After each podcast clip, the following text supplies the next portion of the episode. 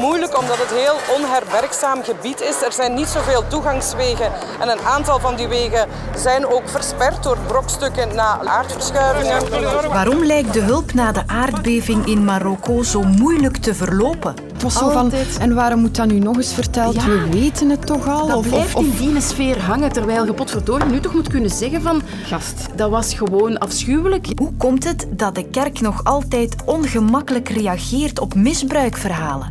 Ah, maar zeg. Als politicus, voorzitter van de CD&V, durf je hier zo te staan. Ik denk dat we alleen maar meer en meer zo'n dingen gaan zien. Gewoon omdat politiek en entertainment twee handen op één buik zijn. En wat moeten we denken van verklede politici in showprogramma's? Wat ik aan heb, doet er niet toe. Dit is een podcast. Fijn dat je luistert naar het kwartier. Ik ben Sophie van der Donkt. In Marokko proberen hulpverleners tot bij de afgelegen dorpen te komen die geteisterd zijn door de aardbeving van vrijdagavond. Mijn collega Inge Franke ziet ter plaatse hoe moeilijk dat is. We zijn nu al enkele uren op weg naar het midden van het Atlasgebergte en we probeerden het dorpje Ijoukak te bereiken, maar we zien hier nu dat dat niet mogelijk is. De wegen zijn volledig afgesloten, dus je ziet hier wel echt hoe moeilijk het is om hier hulp te krijgen.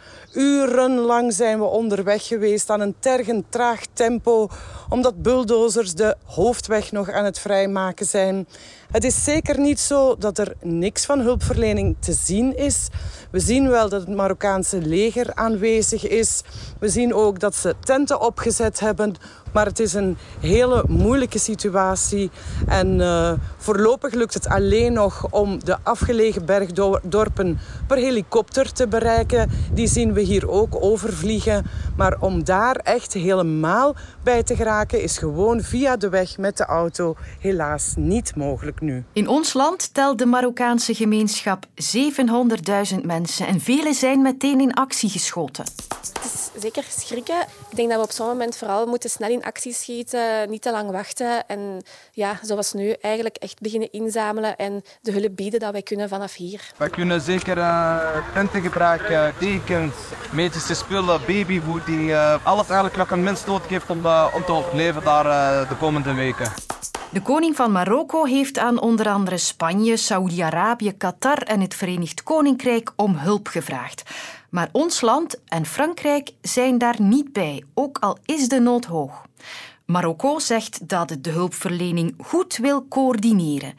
Politicoloog en Marokko-kenner Fouad Gandoul stelt zich daar toch vragen bij. Organisatorisch lijkt me dat een, een aanvaardbare uitleg. Alleen is het moeilijk te begrijpen dat een staat die zo centralistisch georganiseerd is, dat die er niet in slaagt om die coördinatie vanaf het eerste uur een goede banen te leiden. Er zijn plekken waar, zijn, waar, waar niemand, niemand van enige autoriteit ondertussen is langs geweest.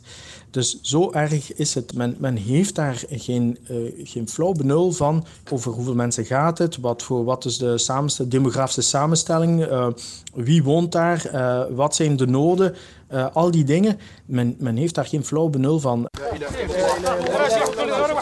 Zwaarst getroffen zijn de kleine dorpjes in het Atlasgebergte.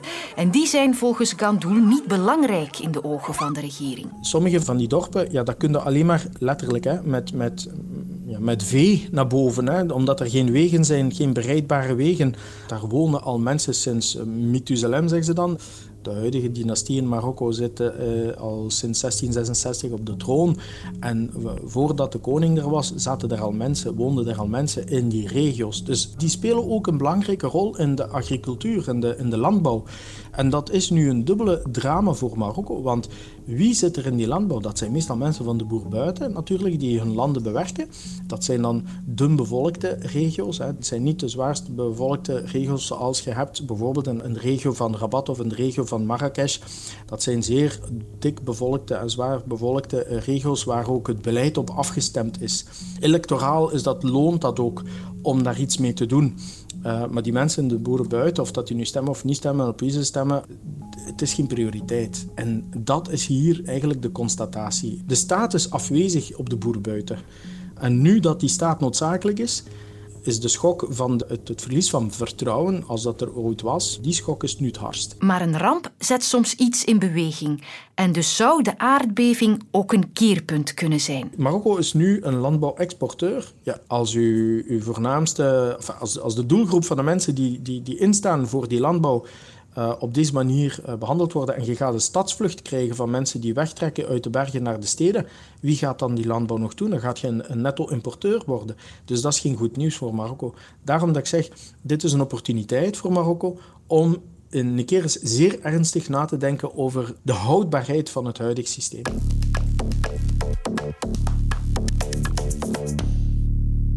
De volgende aflevering bevat schokkende getuigenissen. Dat staat wit op zwart op je scherm als je op VRT Canvas naar de reeks God vergeten kijkt. En je bent inderdaad maar beter voorbereid. De reeks maakt op een aangrijpende manier nog eens duidelijk dat seksueel misbruik in de kerk levens verwoest heeft en dat je dat misbruik altijd blijft meedragen. Gisteren vertelde Emmanuel erover en hij had een duidelijke boodschap voor de kerk. Stop met praten. We hebben van God hebben we twee oren gekregen en één mond, waarvan ik denk dat de bedoeling is dat we meer moeten luisteren dan praten. Stop met praten, jullie zelf ophemelen en kijk wat we allemaal gedaan hebben, maar luister eens naar de slachtoffers. Dat gaat door merg en been. En men onderschat dat vanuit de kerk. En dit is moraalfilosoof Dirk Verhofstadt, die dus onder de indruk is. We zijn intussen dertien jaar na de zaak van Geluwe, de Brugse bisschop die opstapte omdat hij jarenlang seksueel misbruik pleegde. En met Dirk Verhofstadt bespreek ik hoe de kerk vandaag op getuigenissen reageert. Want vanmorgen kreeg ik een ongemakkelijk gevoel toen de Antwerpse bisschop Bonny erover praatte in de ochtend. Ik ben eigenlijk geen priester geworden om dit nog te moeten opkeuzen. Waarmee zitten wij, mijn generatie, opgezadeld, waar wij nu de boel mogen keuzen en er ook weinig dankbaarheid voor ontvangen. Dat moet ik eerlijk zeggen. Maar men mag echt niet de indruk wekken dat dit voorbij is gegaan aan de diepste emoties van diegenen die in de kerk verantwoordelijkheid daarvoor hebben opgenomen. Wij die daar ook al 13 jaar mee bezig zijn en daar ook onze slaap voor laten. De bisschop zegt hier: het is iets van een vorige generatie en wij zien daar ook vanaf.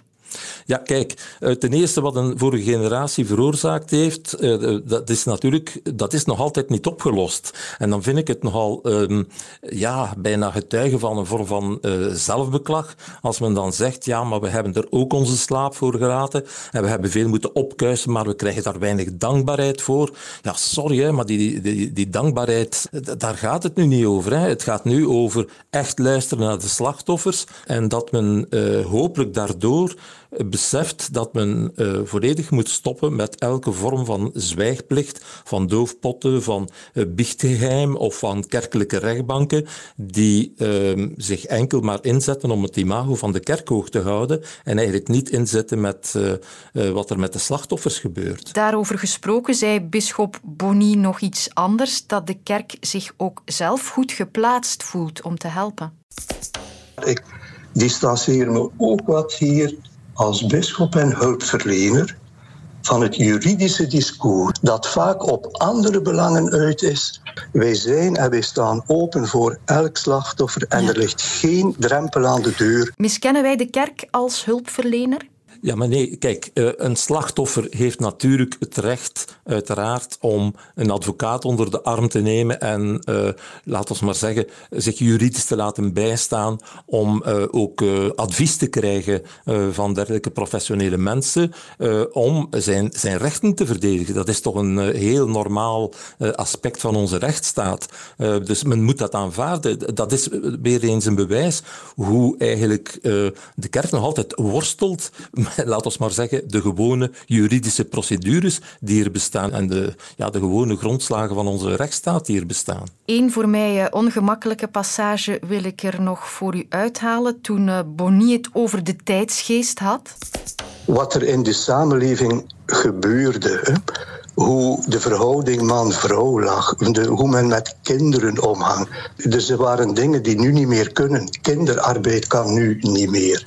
De verhoudingen man-vrouw liggen nu ook helemaal anders. Dus er zijn verschuivingen in de samenleving, in de cultuur die breder lopen dan de kerk. Dat was toch ook opvallend. Ja, ik vond dat eigenlijk een, eh, een, een grote uitschuiver. Hè. Eh, ten eerste, het al vergelijken met uh, kinderarbeid of met de vrouw die geen rechten hebben, dat is al aberrant, vind ik. Maar dan ten tweede, ja, het seksueel misbruik in de kerk is in volle hevigheid blijven doorgaan op het moment dat kinderarbeid afgeschaft was en dat dus vrouwen al rechten hadden gekregen. En dat, met andere woorden, het in de periode van de jaren 50, 60, 70, 80 heel wat levens nog verwoest heeft dus op het moment dat dat niet meer bestond. Dus die vergelijking die jij daar maakte, vind ik eigenlijk uh, not done. En ik verwijs na dit item graag door naar de hulplijn 1712 voor vragen over geweld, misbruik en kindermishandeling.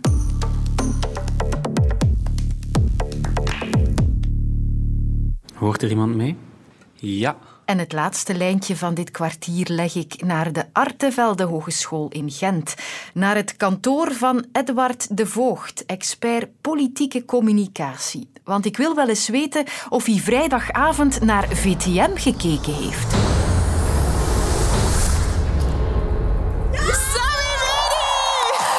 Naar de onthulling van CD&V-voorzitter Sami Medi als drag queen in Make Up Your Mind. Het was wel een ongelooflijk avontuur. Ik sta niet iedere dag op deze hakken van 20 centimeter. Dus dat was... En of hij over zoiets een oordeel klaar heeft als communicatiespecialist. Ik heb, uh, ik heb niet gekeken. Ik heb ook niet herbekeken. Ik heb het wel zien passeren. Ik denk niet dat zoiets gedaan wordt als echt, echt een pure, uitgekiende politieke campagnestrategie. Dat geloof ik niet. Maar ik denk wel dat als die opportuniteit zich stelt en je ziet dat persoonlijk ook zitten om dat te doen, dat je wel denkt, ja, dat kan het wel een boost geven. De manier hoe dat mensen in een stemhokje gaan staan, is niet alleen gaan nadenken, welke partij geeft mij de meeste voordelen, welke partij deel ik de meeste waarden.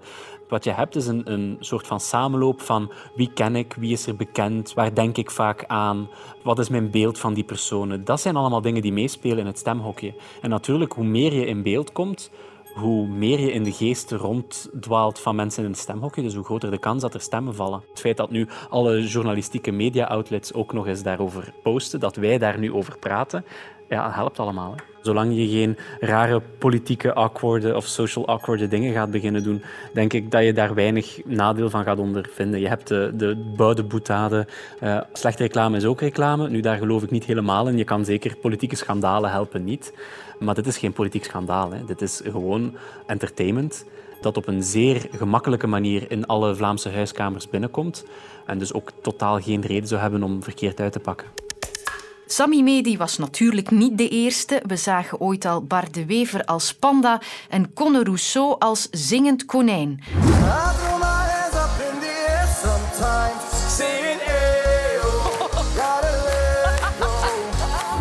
Het lijkt wel alsof politici tegenwoordig in de rij staan om iets mafs te doen op een podium. De strijd voor politieke communicatie is een strijd om zendtijd. Dus overal waar je zendtijd kan krijgen als politicus, dan pakt je die.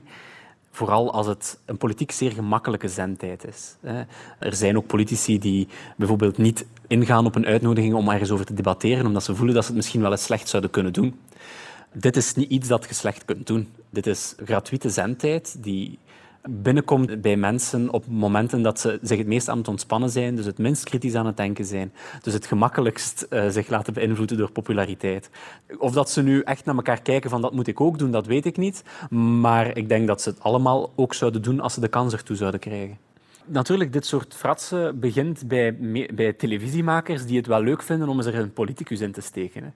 Het is misschien zelfs meer gedreven door mediacultuur dan door de politieke cultuur, die daar happig op ingaat. Het zegt veel dat politici een dankbaar publiek zijn geworden om in zo'n programma's te steken. Dat wij denken, ja, we steken een politicus in zo'n pak, dat gaat lachen zijn. Dat toont heel veel in de manier hoe dat politiek en entertainment versmolten zijn met elkaar. Dus ik denk dat we alleen maar meer en meer zo'n dingen gaan zien. Niet noodzakelijk omdat het verkiezingen worden, maar gewoon omdat politiek en entertainment twee handen op één buik aan het worden zijn.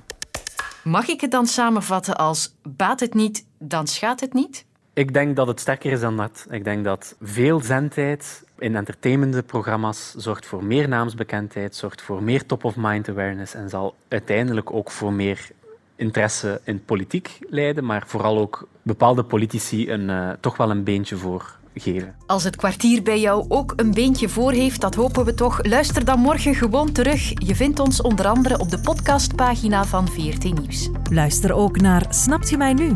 Onze VRT Nieuws-podcast waarin straffe twintigers praten over hot topics. Nu in de app van VRT Max.